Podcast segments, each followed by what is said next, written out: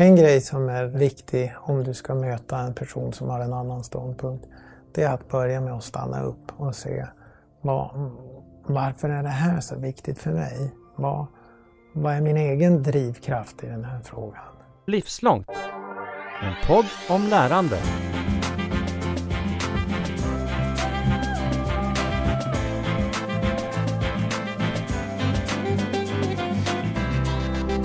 Det här är faktiskt eh, bland det lite svårare jag vet, att växla över till det som mina kollegor kallar för Radio-Katarina. Att göra det tillsammans med en person som jag faktiskt känner, liksom blanda roller lite grann. Eh, för det gör jag med dagens gäst, känner, men det betyder inte att det var lätt att få med honom i podden. Det tog ungefär tre år eller så. Så äntligen är det dags för mig att säga välkommen till Livslångt läkaren, psykoterapeuten, eh, rektorn, handledaren vid Svenska institutet för kognitiv psykoterapi och du kan också ha sett honom i tv. Paul Paris, hej! Hej! Tog det tre år? Ja, det tog tre år. Det tycker jag väl ändå ungefär. Ja. Men nu har jag ändå känt att nu mer än någonsin så är det verkligen aktuellt att få prata med dig. Du, ibland så säger jag bara namnet på min gäst och så får den själv berätta allt om vem den är och vad den gör. Och här drog jag en liten del ändå av ditt CV får man säga då för att inte missa något självklart som både du och jag vet om dig. Men om jag sen ändå frågar dig om vem du är, Paul, vad svarar du då? Ja, eh, först och främst att jag är pappa mm. till två döttrar. Och jag är gift med en fru som har grekiskt ursprung. Själv har jag eh, blandat ursprung. Min pappa var från Italien och mamma från Sverige. Mm. Jag eh, kommer från, eh, vuxit upp i Umeå. Och jag, som du nämnde inledningsvis i min profession, så jobbar jag som framförallt med psykoterapiutbildning och psykoterapibehandling och handledning. Och en del forskning. Mm. Jag har ju länge velat prata med dig i podden för att du är klok på många sätt, råkar jag ju veta då. Och det har då aktualiserats ännu mer byggt på hur vår omvärld ser ut. Det tänkte jag också vi skulle prata om. Men hur har du blivit så klok, tänkte jag säga? Alltså ditt eget livslånga lärande, hur har det sett ut? Vad är det för drivkrafter som har tagit dig till det du gör idag?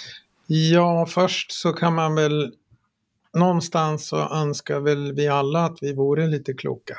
Mm. Sen så inser vi ju ganska dagligdags att vi kan vara kloka i vissa saker och sen får vi kämpa på i andra situationer. Och jag eh, kan väl säga att jag strävar efter att eh, själv lära mig att bli klokare. Eh, och hur långt jag själv har kommit på den resan, det det är ju så olika. Om, om någonting som har hjälpt mig att kanske för mig själv känna mig klokare så har det ju varit ju mer jag vågar titta på mig själv. För att i möten som jag gör med, med allt som man är i så är det ju oftast så att man kan vilja lära sig om man vill ta ett steg framåt. Samtidigt för att lära sig någonting så behöver man ju in, man behöver ju ställa sig i det som är okänt, när man inte förstår. Och man måste våga pröva någonting som man inte kanske har gjort eller klarat av. Och alla sådana erfarenheter, för att det ska vara någonting nytt som man upptäcker, då ställs man i det där okända och så fort man ställs i något okänt så väcker det ju upp en massa jobbiga känslor potentiellt sett. Mm. Av att inte kunna, inte förstå, inte klara av och så vidare. Och jag har väl lärt mig att ju mer jag vågar stå kvar i det och titta på det så är de, det är då de tillfällen jag känner själv att jag växer.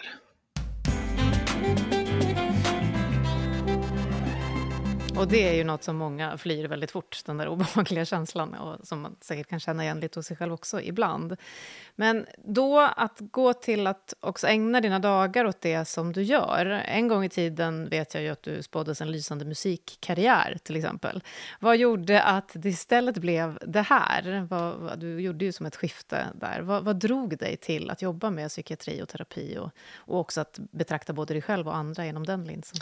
Nej, men det, det har väl eh, för mig, precis som jag tänker för, för alla som lyssnar och för dig, vi, vi är ju som människor så har vi många olika sidor av oss själva och det, det vi har olika drivkrafter i olika faser i, i livet. Mm. När jag spelade musik, det är ju en sida av mig som tycker det är jättekul att förverkliga någonting som jag drömmer om, något kreativt som jag gör. Den biten är ju inte borta idag, det är bara att jag kanaliserar den lite annorlunda. Så du sörjer uh, inte det som inte blev? Nej, jag sörjer inte. Jag tycker jag fick, jag fick mycket av det som jag ville uppnå, uppnått, så att säga. Mm. Sen så ville jag och vill som många andra, man vill många saker i livet. Och jag tycker att den här biten som jag gör idag, ja, men kring att hjälpa människor att hitta liksom, sig själva och hitta eh, en väg framåt där de mår bra. Det är ju något som jag å ena sidan har varit intresserad av ända sedan jag var liten.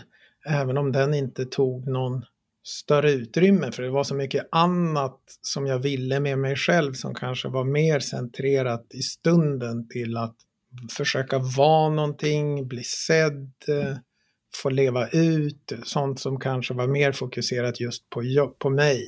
Mm. Mer egocentriska i stunden, liksom önskningar och behov sådär. Mm. Men du minns ändå att du redan då var intresserad av att hjälpa andra. Hur, hur såg det ut? Nej men det såg väl ut, ja hur såg det ut? För samtidigt så var jag kanske inte när jag var yngre sådär just att jag hjälpte andra, men jag var, det, det det kanske snarare handlar om, och det hänger väl ihop lite grann med det jag inledde och sa det här att just det att min pappa var från Italien kanske. Jag växte upp i ett litet samhälle utanför Umeå. Ja, det fanns inte andra med föräldrar från andra länder sådär. Vilket gjorde att jag, när jag var liten, hade väl en känsla av ett annorlunda skap om man säger så. Mm. Sen var mina föräldrar, båda föräldrar, akademiker och, och de flesta av mina kompisars föräldrar var inte det. Eh, vilket också gjorde en känsla av annorlunda skap. Sådär. Och när jag var liten så ville jag precis som, som de flesta barn, man vill liksom man vill passa in någonstans och man vill känna en samhörighet och sådär. Mm. Plus att mina föräldrar jobbade mycket så att jag var ju ensam mycket. När man är liten så vill man, och inte när man är vuxen heller. Liksom, ofrivilligt ensam är ju, ingen, är ju ingen skön känsla om man säger så. Nej. Man hittar ju olika strategier att inte vara ensam. Och man vill inte känna sig annorlunda eller utanför. Så man, hittar, man försöker hitta strategier att både få kontakt och passa in. Och det där höll väl jag på och trasslade med på samma sätt som alla mm. andra behöver trassla med det. Mm. Och samtidigt eftersom det just fanns den där å ena sidan ensamheten och å andra sidan annorlundaskapet så, så var jag ju kanske mån om att försöka var med. Mm. Jag visste ju hur det kändes att känna sig inkluderad när man kunde få vara det. Så, så, att jag också kunde ju liksom gärna vilja att vänner skulle känna sig inkluderad när man var med sådär. Men det är också sanning med modifikation för att ja. många gånger så var jag så självupptagen sådär som man kan också vara. Man... Som man också är som barn.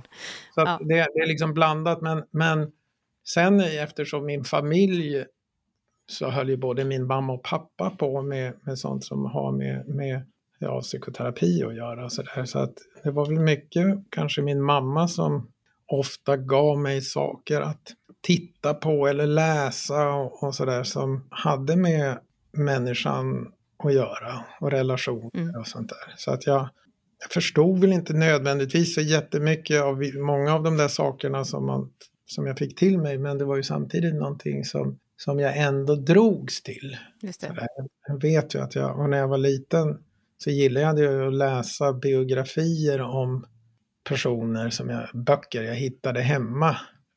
Även om jag inte visste vilka de var så var det ändå spännande att läsa för att förstå. Mm. Känner faktiskt igen det. Letade också just upp biografier. Mm. Ja.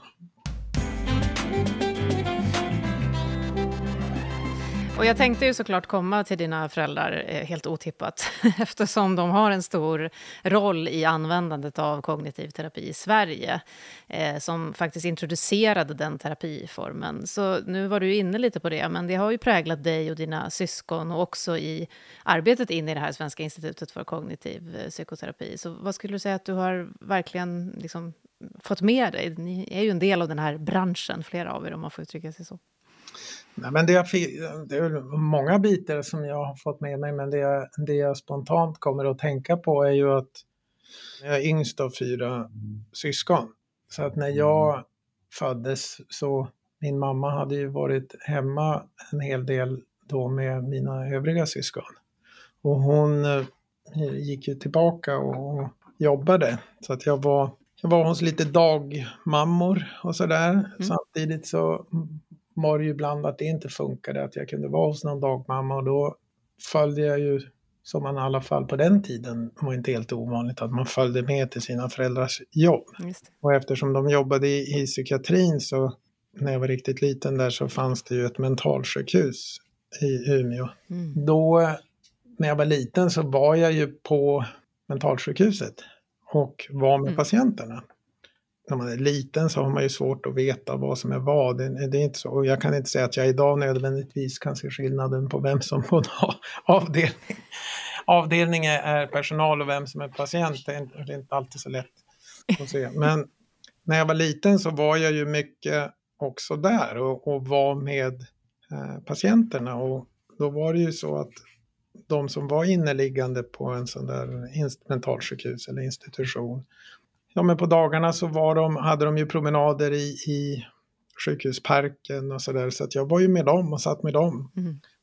Alla mina minnen från det är ju att jag blev väldigt inkluderad och att de var nyfikna på mig och tog mig på allvar. Mm. Och det var ju liksom vuxna människor. Mm. Och jag kände ju en väldig närhet och tyckte om att vara där. För dels blev det att jag fick en socialt sammanhang.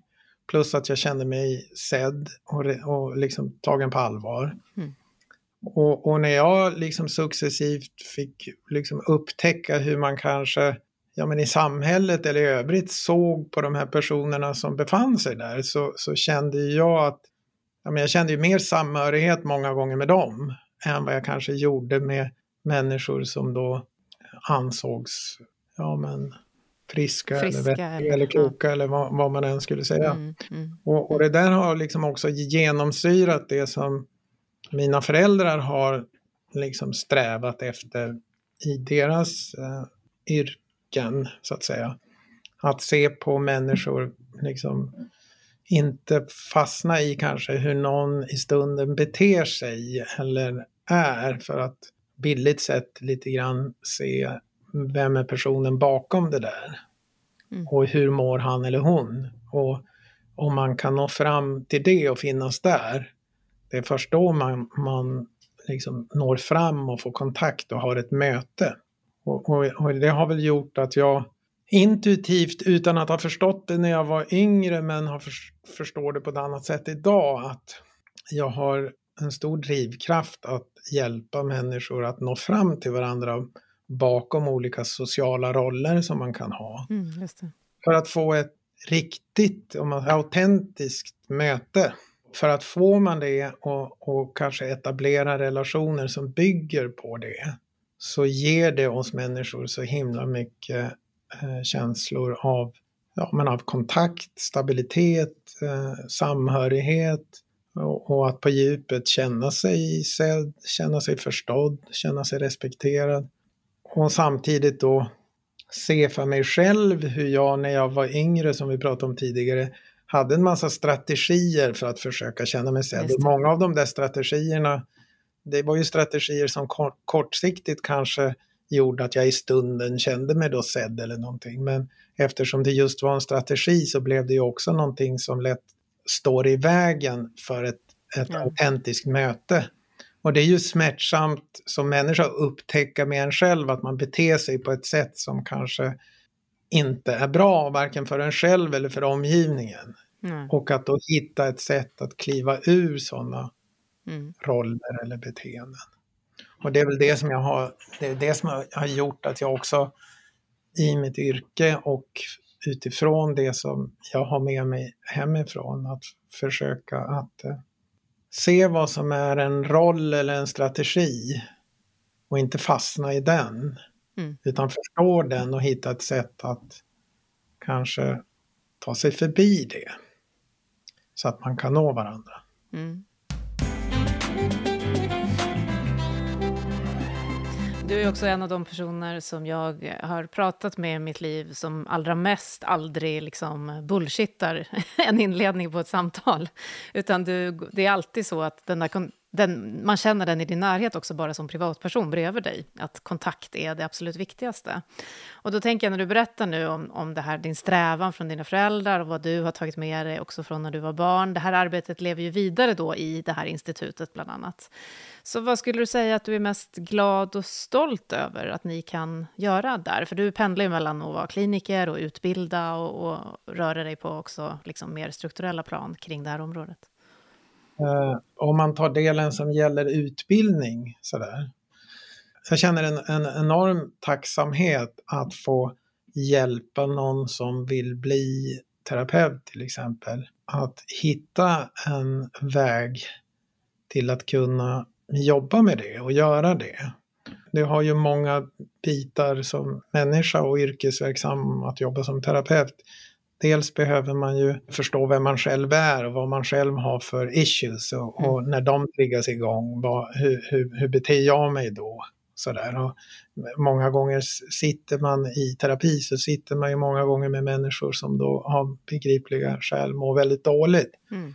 Och, det är inte, och många mår ju inte väldigt dåligt och bara sitter och är öppna och sårbara i, sin, i sitt dåliga mående utan de sitter ju och försöker göra allt för att inte känna det där dåliga måendet. Mm, Vilket gör att man kan sitta i ett rum med någon som både blir väldigt attackerande mot en eller är väldigt avstängd mm. eller är väldigt följsam och så vidare. Mm. Och det som terapeut oreflekterat kan ju trigga en själv. Mm. Det, och då kan man ju börja bete sig på ett sätt som terapeut som varken blir på något sätt bra för patienten eller, eller den som kommer och söker hjälp eller för en själv.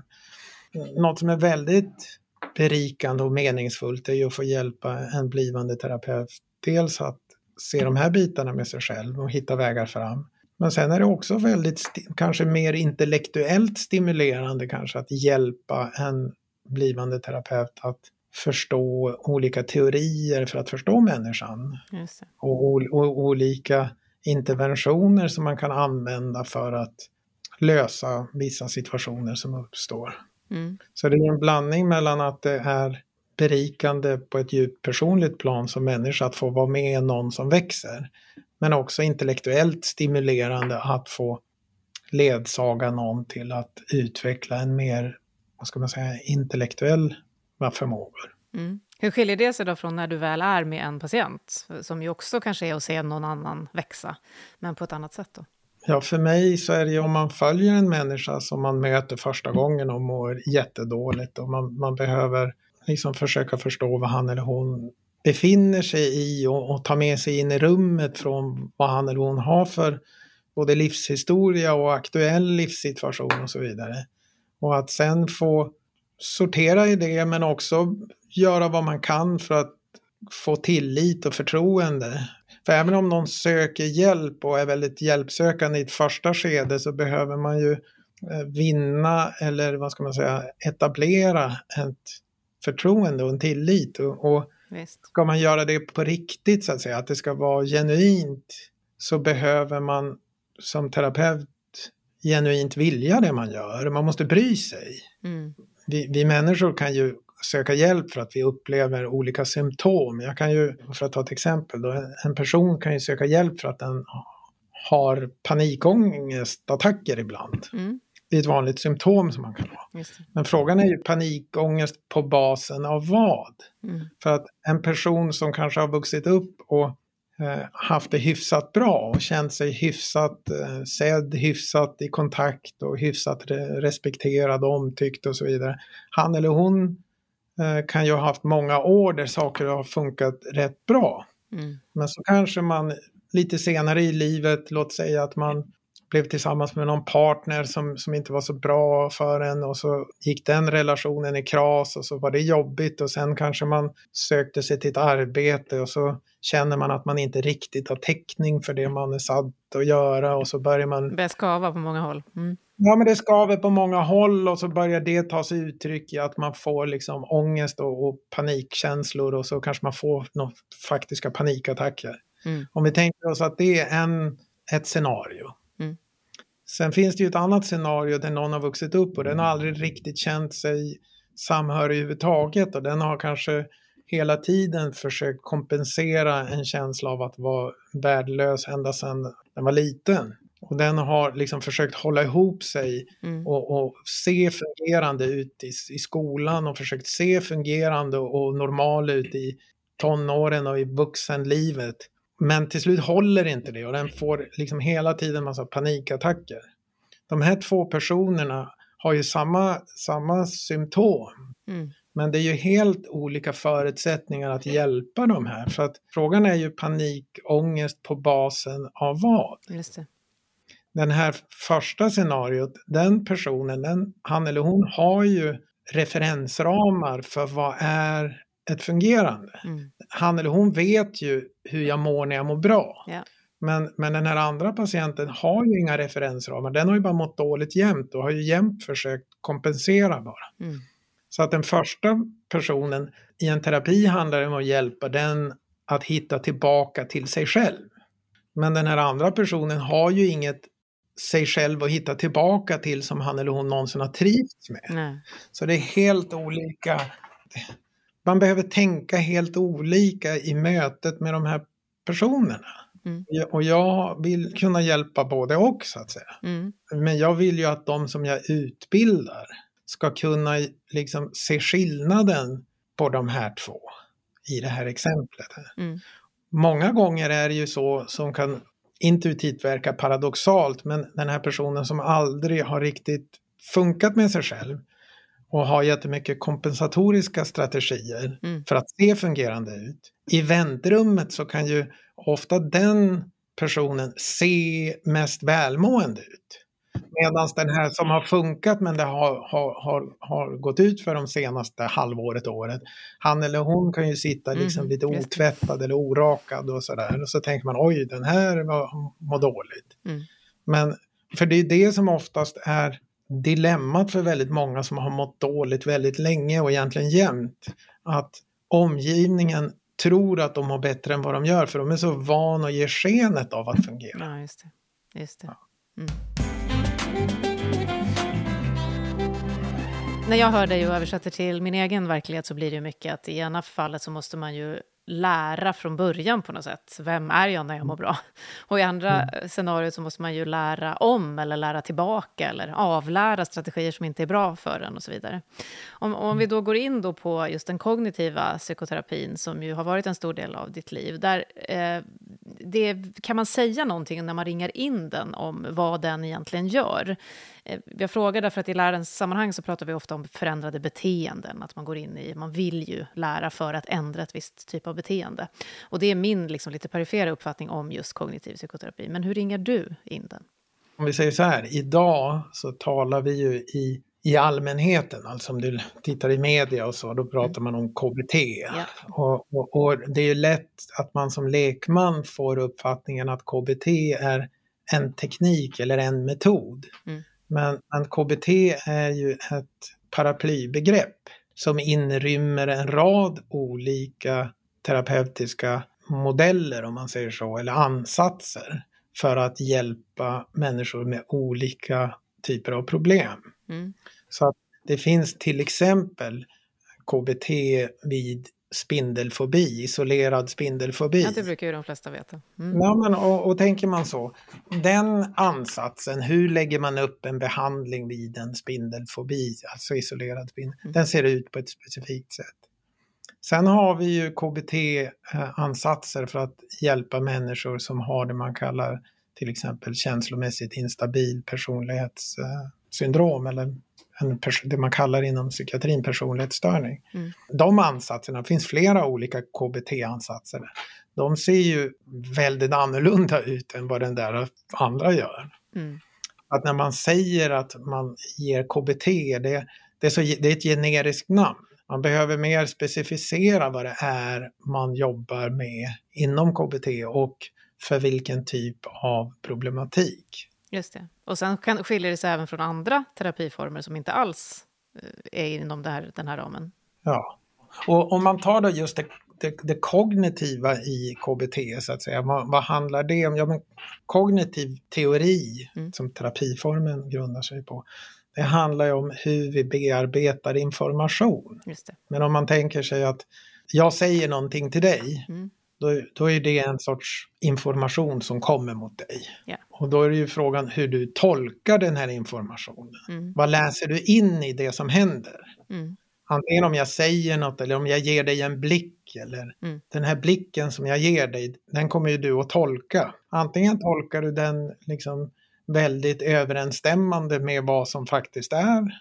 Eller så kanske du läser in att oj, han tycker jag, han ger mig en blick, han tycker jag verkar knäpp, han tycker jag verkar dum och så vidare. Mm. Det är ju en sorts förvrängd tolkning eller bias tolkning. Mm. Och, och om man har en massa uppfattningar om sig själv ja men jag är så misslyckad mm. och jag är så dålig. Och så kommer någon och tittar på mig på ett visst sätt och så tolkar jag direkt, jaha, nu tyckte han att jag gjort fel. Mm. Då har jag ju läst in någonting som kan stämma. Men många gånger så har man då sådana här antaganden om sig själv. Så har man de där antennerna där ute och så gör de sina tolkningar så tar man det som ett bekräftelse ja. på, på, det man redan går och känner. Mm. Och då håller ju det kvar en i ett dåligt mående. Just.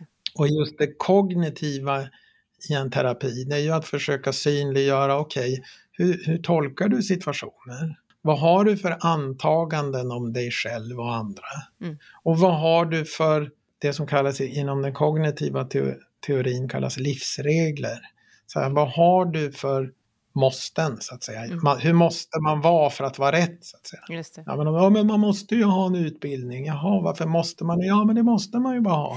Ja, varför? Om man inte har det, ja, men då är man ju en sån där liksom, misslyckad person. Ja. Jaha, att ha en livsregel att, man, att det är bra att ha en utbildning, det är ju inget fel att ha en sån. Mm. Men om, om det är så att om jag inte har då en utbildning, då är jag en misslyckad person. Mm. Då blir det ju jätteviktigt för mig som har det att försöka leva upp till den där livsregeln om ja. hur jag måste vara. Mm. Och så fort jag inte kommer in på en utbildning eller det går dåligt på en utbildning så ger det mig potentiellt jättemycket ångest för att jag kan riskera att känna mig som misslyckad. Mm. Och då måste man kolla, ja men hur kommer det sig att du har den där livsregeln att man måste ha det? Mm. Och ofta när man tittar då så ser man ju att ja men det är sånt som har varit villkor så att säga från när man växte upp. Ja, antingen i, liksom i, i ens ursprungsfamilj eller bland, i skola och liksom vänner och så vidare. Mm. Så att den kognitiva delen är ju liksom att få syn på hur vi tänker, tolkar, vad har vi för uppfattningar om oss själva och andra, vad har vi för livsregler kring oss själva. Mm. Jag tog exempel på två olika patienter med panikångest. Yeah. Den här personen som har ett hyfsat fungerande i bagaget men, men där det har gått snett de senaste året eller någonting. Mm. Man kan komma ganska långt med att hjälpa den personen att få syn lite grann på hur den tänker och tolkar om sig själv.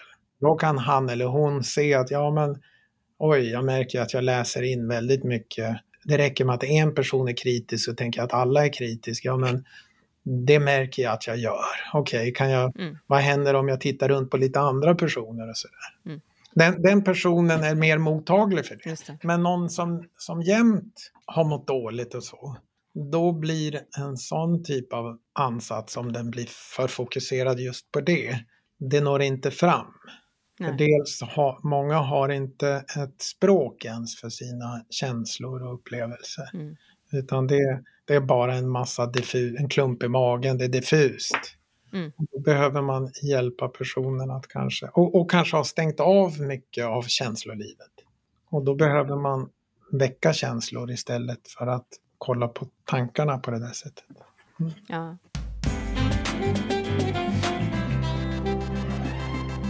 Då tänker jag när du pratade om det, och du var inne på det där med, med förändring. Jag tänker på om man har en självbild om sig själv, vem, vem jag är och jag kanske tänkte mig att mitt liv skulle bli på ett visst sätt och så blev det kanske inte så. Eller jag tänkte mig att jag bodde i ett samhälle som skulle ta hand om mig på ett visst sätt och så blev det inte så. Eller i ett land som är på ett visst sätt och så blev det inte så.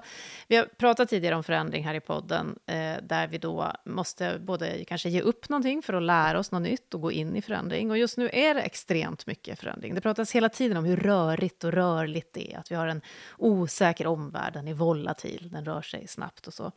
Och där många behöver förändra synen på både vilka vi är och var vi bor. Nu bor vi i ett land som plötsligt ska mentalt förbereda sig på, Eh, går ÖB ut och säger på krig, eller vi kanske är utbytbara för nu har vi AI. Det är väldigt mycket som, som i våra olika sammanhang i alla fall kommer i spel här. Så hur rustad upplever du att vi är då för just de här, att ge upp de här livsreglerna eller självbilderna och försöka ta oss an det nya? Förändring som sker eh, i snabb takt och framförallt förändring som ruckar på, vad ska man säga, en struktur eller ordning som man är van vid. Den skapar ju för oss människor oro. Mm. Eftersom att om vi tar ett kliv tillbaka så säger jag, men vad behöver människor förutom att, det här vi pratar om att bli sedd och alla de här sakerna. Mm. Vi behöver ju en begriplighet av mm. oss själva och omvärlden. Begriplighet är ju att man, det är därför vi har till exempel livsregler. Mm. Livsregler är ju inte bara negativt utan det är ju bra att veta vad som gäller och hur, vad som är rätt och hur, vilken, liksom, om vi säger normer, det är en mm. del, livsregler är en del av normer. Och normer behöver vi för att kunna orientera oss och, och utan att gå in på att värdera om de är bra eller dåliga så Finns det inga normer, då blir det ju bara kaotiskt. Och vi blir ju inte trygga i ett sorts kaos. Nej, just det. Och för att ge något litet konkret exempel som kanske lyssnarna eller ja, både du och jag kan göra det mer konkret. Mm. För den som eventuellt har varit eller är småbarnsförälder så vet man ju att det är en tid när det är väldigt ja, det är väldigt påfrestande för en själv som förälder och som par, en partner och så vidare. För att barnet som växer upp, det, det händer så jättemycket hela tiden. Mm. Och som föräldrar så brukar man kunna vara bra på att upprätta en rutin för när ska barnet eh, sova, när ska det sova middag eller när ska det äta och så här, för att man vet att glömmer vi att lägga barnet och sova middag då, då kommer det vara trött och grinigt på kvällen. Mm. Och så hittar man som förälder en rutin och så är man jättenöjd att man har den där rutinen. Men efter mm två veckor så har ungen växt ur den där rutinen. Och då måste man sätta igång igen och hitta en ny rutin. Mm. Och det är väldigt ansträngande som förälder att hela tiden behöva liksom uppfinna nya normer eller rutiner om man säger så. Mm. Det, blir oerhört ansträngande. Så, så, många, många föräldrar som faktiskt försöker då engagera sig i familjelivet och i sina barn, mm. blir ju, har, de har inte så mycket utrymme till så mycket annat. Nej, jag blir lite svettig av minnet faktiskt. Och, och många föräldrar drömmer ju om tiden när, när det var lugnt drömmer tillbaka. Mm. Drömmer om innan de hade barnet. Tänk när vi kunde ligga kvar i sängen och bara sova ut på lördag morgon eller någonting. Mm. Samtidigt tänker de, ja men det, det, blir väl kanske annorlunda när de blir lite äldre. Mm. Och det är ju samma sak för om man då tänker ett annat konkret exempel apropå lärande. En del av de som lyssnar som kanske är lite äldre har ju säkert minnen från skolan när, när de tyckte att, att det funkade bra i skolan och när det funkade inte bra i skolan. Och ett minne av ett klassrum med en lärare som kanske fick hela klassen att känna sig lugn. Där det inte var stök. Mm. Det, det, gjorde att man fick utrymme att lära sig och lyssna på, på det som var. Så att, att ändra och göra rokader hela tiden och när det blir snabbt, det skapar en otrygghet. Mm. Och just nu i vårt samhälle så är det på så många plan som, som det blir ändringar. Mm. Hela liksom, digitaliseringen har ju ändrat sättet att ha relationer och att, ja, att hela tiden på ett eller annat sätt vara uppkopplade till så jättemycket information från, från mm. så många olika platser på en gång. Sen har vi också i, i samhället i tillägg till det blivit mer fragmenterat. Vi har ju en stor del av den utveckling vi är på, det är ju ett sätt att göra upp med det som var moderniteten eller det som var en gång med industrialiseringen, vi ville ha SNI, vi hade... Mm, sen här i Sverige så blev ju allting väldigt fyrkantigt och tungrot för att det blev staten som var stor och det var monopol mm. i allting och, och så, här. så vill man ha sin frihet och då vill man ju liksom bryta upp det här kolosserna. Och när man bryter upp mm. friheten så varje individ ska få sin frihet så kan det ju lätt få slagsida åt andra hållet. Mm. Så att på ett plan är ju många människor idag är ju fånge i friheten. För att de, de, är fria med en inget att hålla sig längre. massa valmöjligheter men mm. de valmöjligheterna gör mig inte trygg utan de gör mig otrygg och så tar jag mig inte ur dem. Mm. Just det. Och det skapar ju dels en socialt och kollektivt en, en oro. Mm. Men sen är det ju jättemånga som hanterar det här genom att bara stänga av liksom det här känslomässigt jobbiga. Mm. Och man stänger av det för att det blir för jobbigt och så blir man mer en aktör i det här. Och när man är en aktör i det här så blir det ju kortsiktigt lite lättare för att ja men då är det ju bara att det är det här som jag ska göra, nu har jag ryggen fri, jag har gjort det här och det är någon annans ansvar det där. Mm. Och kontentan då det är ju att det blir en enorm tomhet för folk. För att då har man liksom ingen kontakt för att man har stängt av. Man stänger av för att skydda sig själv från allt det här som känns jobbigt men konsekvensen blir ju mm. en kontaktlöshet. Så har vi ett samhälle där det både en massa kontaktlöshet varvat med jättemycket social oro som folk agerar ut och polariserar. Då har vi ju liksom en perfekt storm av ett samhälle som inte mår så bra. Men så vad tänkte du utifrån den debatt som utbröt, till exempel då när ministrar och ÖB gick ut och sa att förbered er mentalt, ta ansvar, vakna. Vad, vad, upplever du gjorde människor så upprörda? För det var ju faktiskt väldigt många som blev väldigt upprörda av det här. Ja, det var väl lite blandat. Många blev upprörda, en del blev bara väldigt rädda.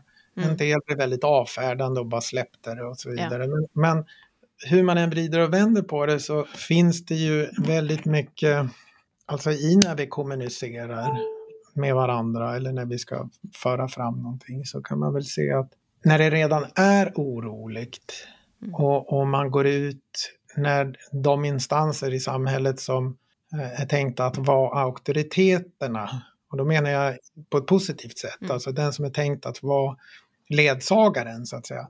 Yeah. Då har man ju också ett ansvar när man gör det.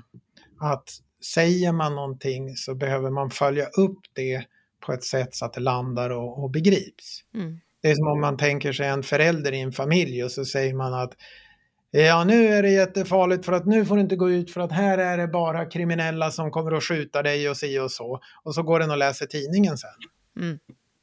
De där ungarna måste ju, som är i, i hemmet måste ju säga, jaha, men vad ska jag göra nu? Kunde jag inte gå ut alls eller vad var det? Mm. Nej, men mamma eller pappa kom ut och ryade lite grann och sen gick de och satte sig igen och, och, och tittade på tv eller läste tidningen. Mm. Man, må, man behöver vara lite försiktig med orden. Ja.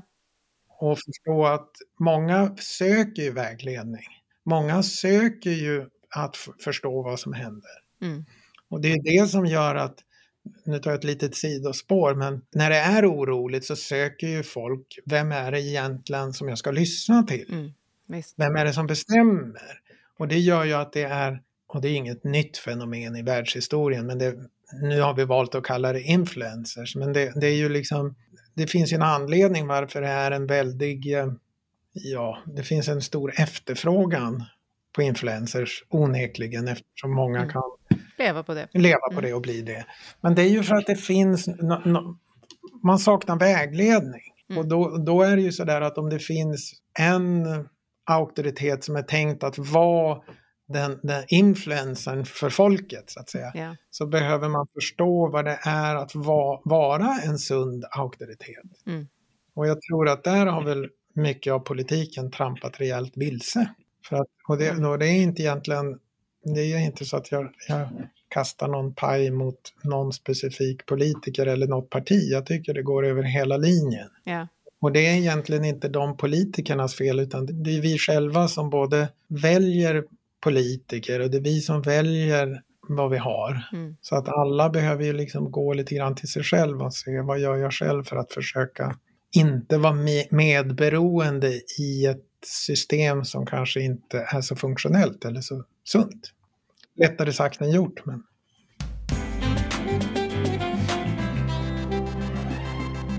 Men jag tänker om du får vara en lite sund eh, vägledare då. För jag upplever att många av de som också kände oro och rädsla vid det här, och det kan ju vara samma typ av oro och rädsla som AI kommer ta alla våra jobb eller vad det kan vara, även om den här var mer brutal och kanske närmare så. Men det är också någon slags sorg över att släppa taget om då en bild av till exempel Sverige som fredligt eller mig själv som viktig på arbetsmarknaden eller så. Så hur, om du var, fick vara liksom lite terapeut åt en kollektiv känsla av det slaget. Vad, hur skulle du, vad skulle du säga att man kan göra för att ta sig an det här och få den här resiliensen som alla pratar om, och orka med och stå emot? Ja, man, man kan det jag skulle säga är väl att det är väl bra att vi, apropå lärande, att vi i samhället, och det är väl vad jag försöker med från mitt håll, så där, det, det är väl att, att vi ser att vi människor i grunden är behövande. Och det finns vissa behov som vi människor behöver få tillgodosedda på ett, på ett bra sätt i våra relationer med varandra. Mm. Och vi går tillbaka till det här om att känna sig sedd, förstådd, inkluderad, respekterad, men också att få rimliga, eh, liksom empatiskt satta gränser för våra impulser som, som vi också har. Mm. Om du tänker ett litet barn som föds, det, det är ju, å ena sidan är det ju utsatt för det är sårbart och klarar sig inte själv så att det finns en, ett behov av ett barn att någon bryr sig om det och finns där som det kan knyta mm. an till. Men alla som har sett ett litet barn eller har små barn själva vet ju att redan när de föds så har de ju också en sida som har ett, en, en jäkla drivkraft, en vilja att, och det är ju liksom så att om man har en behövande sida så har man ju en autonom sida. Den, den är ju inte självständig än, men det är ju de autonoma impulserna. En liten unge som kan själv, eller när den vill ha tutte så vill den ha tutte nu, för den är, den är impulsiv. Ja. Och den är ju egocentrisk, den, den agerar ju på en, en, impuls som den känner att den vill ha. Mm. Om, om vi människor tillsammans ser att det är så vi människor ser ut, vi har både behovet av ett vi, där jag kan känna mig trygg, mm. men jag har också behov av, av att få vara ett jag. Men det där jag, jag-sidan som vill driva iväg i sina impulser, den måste ju få rimlig vägledning man, man pratar ju kanske i samhället och det är ju nu på ena sidan korrekt men man säger att man behöver liksom gränser. Ja. Men det som vi har svårt med i samhället är ju att sätta gränser. För att vi, det blir så lätt kring straff och, och, och olika sådär. Man säger att men den där sidan behöver ju en omsorgsfull vägledning och att kanaliseras till någonting som blir bra för en. Mm. Och om vi tillsammans på någon sorts samhällsnivå ser att vi har de här behoven av att både bli, ha ett vi som är tryggt och få utrymme till ett jag som respekteras. Då behöver vi ju förstå också att relationer är inte utbytbara. Den där känslan av ett vi, den där sidan som, som behöver tryggheten och vara i kontakten, knyta an någonstans, den relationen är inte utbytbar. Mm. Så det är inte bara i relationen till ja, till en förälder när man är liten, den måste vara stabil och trygg, utan den måste ju vara det till den som blir min lärare eller den som blir min kompis eller den som sen blir min partner eller den som sen blir min mm. arbetskamrat och så vidare. För att det tar tid att bygga en trygghet i ett vi. Mm. Så att vi behöver i samhället se att även om vi nu går med globalisering och digitalisering så får vi inte missa människan i hela ekvationen. Nej. Så.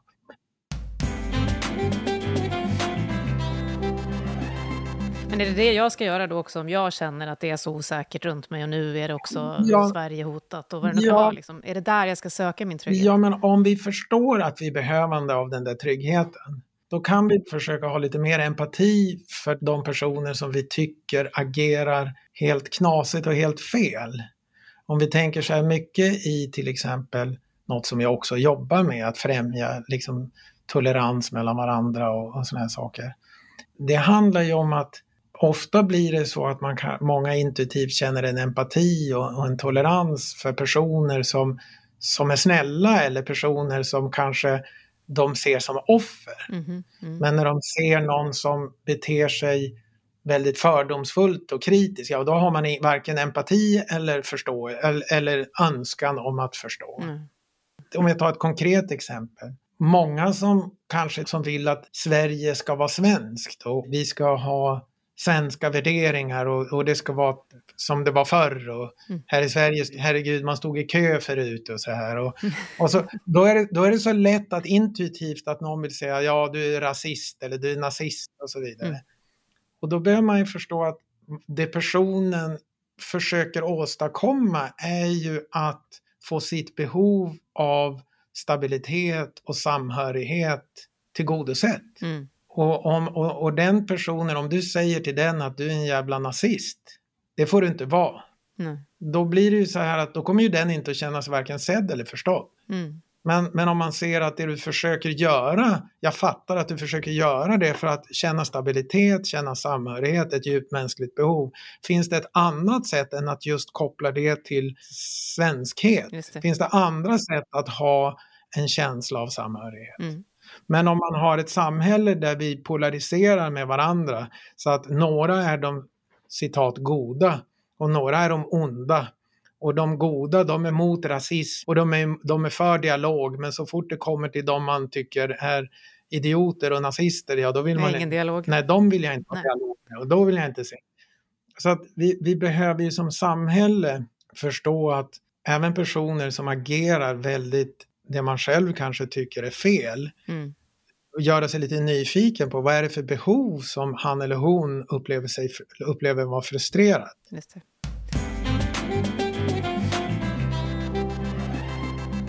Så om vi ska försöka konkludera då på något sätt, eh, om det går. Eh, om jag då känner att jag eh, inte riktigt vet hur jag ska söka den här känslan av att jag klarar av de här förändringarna som är, eller att jag klarar av att släppa vem jag var i det som var, som inte är längre, i ett, annat, i ett land i fred eller då en arbetsmarknad eller vad det nu kan vara. Vad, vad ska jag göra för att känna att jag ändå kan liksom både släppa det gamla och, och ta mig an det nya? Lära? Ja, men det där är, det är så individuellt. Det, om jag tänker nu på de som eventuellt lyssnar och sådär, det beror ju på vad man har som individ för, för nätverk eller resurser runt omkring och så. Jag menar, en person som har kanske en partner eller man har en familj eller man har mm. en nära vän, då, då kan det vara tryggare att våga utmana sig, att pröva något nytt, för man har någon som, som står där när man famlar. Just det. Eh, och det är det som är så orättvist för oss människor, att en del har det. Mm. Och när man har det, då kan man lätt bli blind för att andra inte har det. Och så tycker man, ja men det är väl bara att, att ändra sig då, eller det är väl bara att ta ansvar. Så där. Men man ser inte att göra en förändring som är en grundläggande förändring, mm. det är ju ett existentiellt projekt. Det är att kliva rakt ut i, i det blinda. Och det vågar vi människor sällan göra om vi inte tror att det finns något som tar emot när vi faller. Mm. Så att de flesta människor jag träffar, de vet ju på en intellektuell nivå ofta vad de borde göra mm. för förändring. Visst. Det är bara det att de känslomässigt pallar inte att göra den för den är för läskig. Mm. Och det behöver man, och för att ge ett konkret exempel. Om du tänker dig att en person har varit väldigt hämmad och inte riktigt vågat ta för sig eller eh, räcka upp handen i ett klassrum eller ställa en fråga. Ja men det, det är ju en jättesak att den personen ska gå från att ha suttit tyst och tittat ner till att räcka upp handen. Ja, och då kan man tänka så oj nu har den gjort en förändring för den räcker upp handen. Ja, men det har ju inte ens börjat där. Nej. För du måste ju kunna klara av konsekvensen av att ha räckt upp handen. Mm. Det vill säga att du kan ju få någon som säger, ja vad vill du då? och, och, det är inte alla som står och applåderar, ja men vad trevligt Katarina, du räcker upp handen, ja men låt höra på dig. Någon kan ju, när du räcker upp handen så kan du säga, vet du jag har inte tid med dina frågor nu, mm. någon säga. Mm. Och då måste du ju kunna hantera att du plötsligt inför hela klassen har liksom gjort något som dessutom blev bara avvisat. Mm. Och, och, och, den resan, vad en förändring innebär i, i förlängningen, i vad mycket mer du måste klara av. Mm. Om någon hör det här och känner att ja, men de förändringar jag behöver göra är så pass grundläggande, ja då, då är det ju till exempel terapi som är en bra arena för det. Mm, mm. Och om man vill kommunicera sådana här förändringar, då tillbaka igen till det här som hände via Folk och Försvar, till många. Nu är det ett förändrat läge. Vad behöver man tänka på då om man alls ska ha någon framgång med det budskapet, tänker du, givet det här? Ja, men först behöver man ju tänka, är det ett förändrat läge? Mm. Så. På vilket sätt är det ett förändrat läge? Mm. Och, och, vad innebär det för den som ska höra det här budskapet? Vad ska han eller hon göra? Om det betyder att man ska springa och köpa toalettpapper och, och stoppa i källaren eller konservburkar. Ja men vän av ordning och det har ju många funderat på men, men hur fungerar våra sjukhus nu då om det skulle mm. bli så? Eller hur fungerar transporterna liksom längs vägarna om det nu skulle bli så? Mm. Så att man behöver fundera lite grann har jag tänkt igenom det här jag ska kommunicera nu eller är det mer en sorts önskan om att skapa reaktion? Mm. För att, nu ska jag inte svartmåla allting, men väldigt mycket i de politiska utspelen är ju liksom att konkurrera i det här bruset som är. Ja. Så att man vill att det ska bli någonting som väcker upp någonting för att det, det, då får man uppmärksamhet till någon fråga man vill diskutera. Mm. Men man kan inte väcka uppmärksamheten och sen inte diskutera frågan på ett klokt sätt. Nej.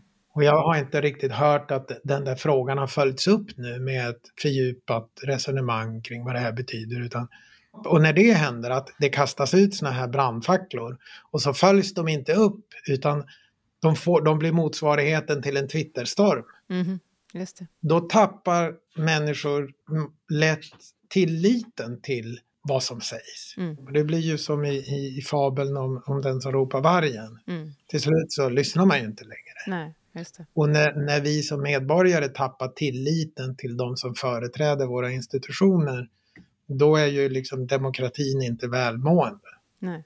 Och, och, allt som nu har varit i den senaste tiden i politiken kring EU-valet och olika partier, det är ju inte sånt som gör att gemene man känner en, en större eh, tillförsikt till de som är satta att, att hantera svåra frågor för oss alla. alla.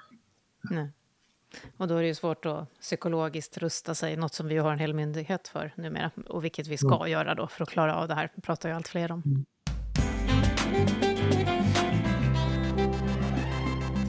Är det något annat eh, hopknytande kring allt det här som du vill skicka med när det gäller då att man ju faktiskt, du sa det, terapi är en bra arena, man kan ta hjälp, men man kan också tänka lite själv på vad man behöver. Är det något annat som vi kan skicka med när det gäller just att ta sig an all förändring? Ja, vad skulle det vara? Nej, men dels att förändring är det är ju liksom, behöver vara upplevelsebaserat, menat att ja, nu, det var så många olika citat och, och sånger och allt möjligt jag kommer att tänka för det finns så många olika sätt att beskriva. Kör du. Ja, nej men allt, allt ifrån att man måste genom eld eller det gör ont när knoppar brister eller, eller vad, man behöver se sin skuggsida eller vad, vad, vad än det är. Ska man göra en förändring så behöver man gå igenom något jobbigt. Men då känner man sig ju misslyckad ja, och det vill vi inte. Jo, då kan jag säga så här, för det brukar jag säga ibland. Och nu, nu kan det låta högtravande, men jag, jag stod och valde mellan att citera Socker-Conny eller Kierkegaard och jag valde Kierkegaard av någon anledning. Men, men Kierkegaard eh, sa att alla vill utveckling men ingen vill förändring. Menat mm. att vi vill utvecklas men vi, vi, är inte beredda att göra den förändring som krävs för att vi ska utvecklas. Mm. Och, och det här med att misslyckas, ja du sa ja, men vi vill inte misslyckas, men vill du vara i utveckling som människa så kan man lägga in det här i sin ekvation i att vara människa. Mm. Att vara i utveckling, det handlar om att misslyckas och misslyckas och misslyckas och misslyckas och misslyckas. Sen är det över. Däremellan gör vi små skutt av utveckling. Mm.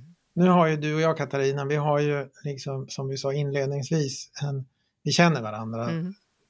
sen, sen förr. Mm. Det fanns en tid när vi styrde barn, barnvagn. Jajamän. Och, mm. och, och försökte få till de där rutinerna med full ja. kraft. Ja. Och jag minns, jag minns ju när mina, mina döttrar var små. Mm. De tittade ju på liksom Isprinsessan och de här och ville börja konståkning. Mm. Och fick ju konståkningskläder och skridskor. Mm. Men aldrig åkt skridskor. Men de hade ju en bild av liksom, vad de skulle göra direkt ja. ja. Vad de skulle göra. Men det, det, liksom, det gick ju över på en gång för det landade ju platt på rumpan när du kom ut på isen. Jajamän. Du kan ju inte, du kan inte åka skridskor om du aldrig har, har, har prövat och tränat. Du kommer ju att ramla. Du kan inte lära dig att cykla utan att först ramla. Nej. att om du vill vara i utveckling och lära dig färdigheter, då, då ingår att misslyckas som en del i utvecklingen.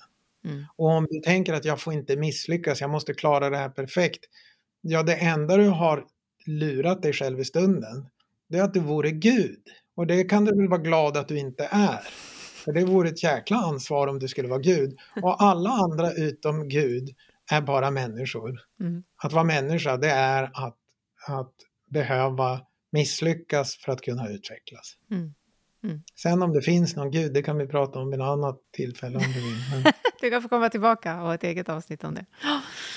Ja, det är någonting som vi jätteofta kommer tillbaka till det här sista här i, i, också i podden. Därför att det handlar ju om att uh, lära sig konstant av det som händer. Och då händer det ju att det blir som vi inte tänkte oss att det skulle bli. Och då ser vi ofta det som ett misslyckande istället för att se det som ett lärande. Så det knöt ihop det väldigt fint, även på det sättet. Ja, det var värt tre års väntan tycker jag, Paul, på dig i den här podden. Ja, vad roligt. Ja, så tack så hemskt mycket för att du kom och var med i Livslångt och pratade om förändring och hur vi kan, vad vi behöver i den och hur vi kan rusta oss. Mm. Tack själv. Du har just hört Livslångt, en podd från RISE om allt det där man lär sig i livet. Vi hörs om en vecka igen.